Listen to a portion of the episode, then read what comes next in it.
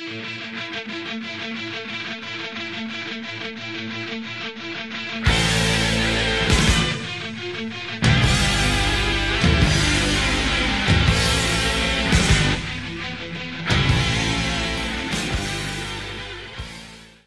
и добре дојдовте на нашиот подкаст Психологија и странски јазици. Единствениот подкаст во светот на 21 јазик со германски акцент. Јас се викам Гехат Овент. Јас сум психолог, автор на книги и наставник по германски јазик. Овој подкаст ви помага да ги подобрите своите јазични вештини без оглед дали сте почетник или професионалец. Јас не сум експерт за македонски јазик. Се разбира, веќе го разбравте ова. Бидете трпеливи со мене, но ветувам дека ќе се подобрам со секоја нова епизода. Ако го откривте овој подкаст само сега, најпрво проверете ги најновите епизоди.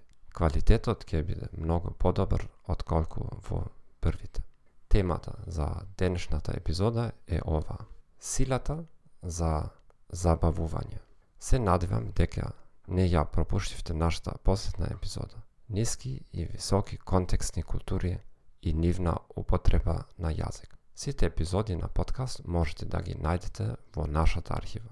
Ако сакате да го слушате овој подкаст на друг јазик, посетете ја нашата веб страница thegomethod.org.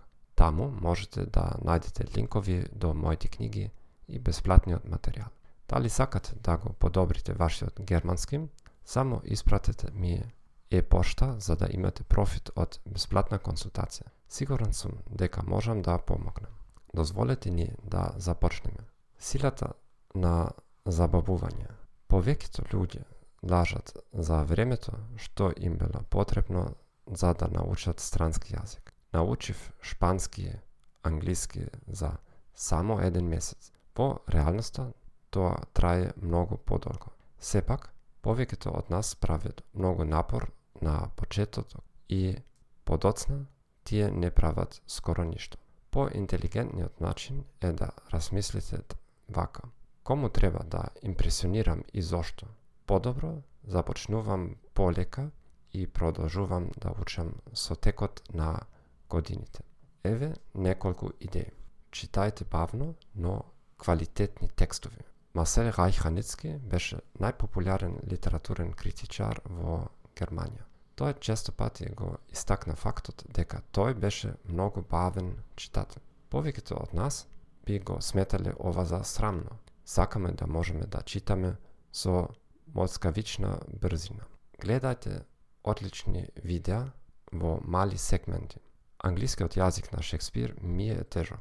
Сепак, секој ден гледам барем 10 минути од една представа од колекцијата на BBC. Прочитајте ја басниката на Езоп, Терка и Зајак. Ова е многу точна представа за состојбата на повеќето ученици што ја изучават јазиците. Ви благодарам што го слушате нашиот подкаст Психологија и странски јазици. Се надевам дека овие информации беа корисни за вас. Ве молиме, предплатете се на нашиот канал на Apple Podcast, Spotify, Stitcher или вашата омилена апликација. Ве молиме, препорачите не на вашите пријатели и колеги. Како што ветив порано, јазичниот дел ќе се подобри со следните неколку недели. И дозволите ми да знам што мислите за денешната епизода. Само пиши ми е-пошта, кажи ми кој прашање имаш за да можам да одговорам на нив во една од предстојните епизоди. Ти посакувам убав ден и збогом.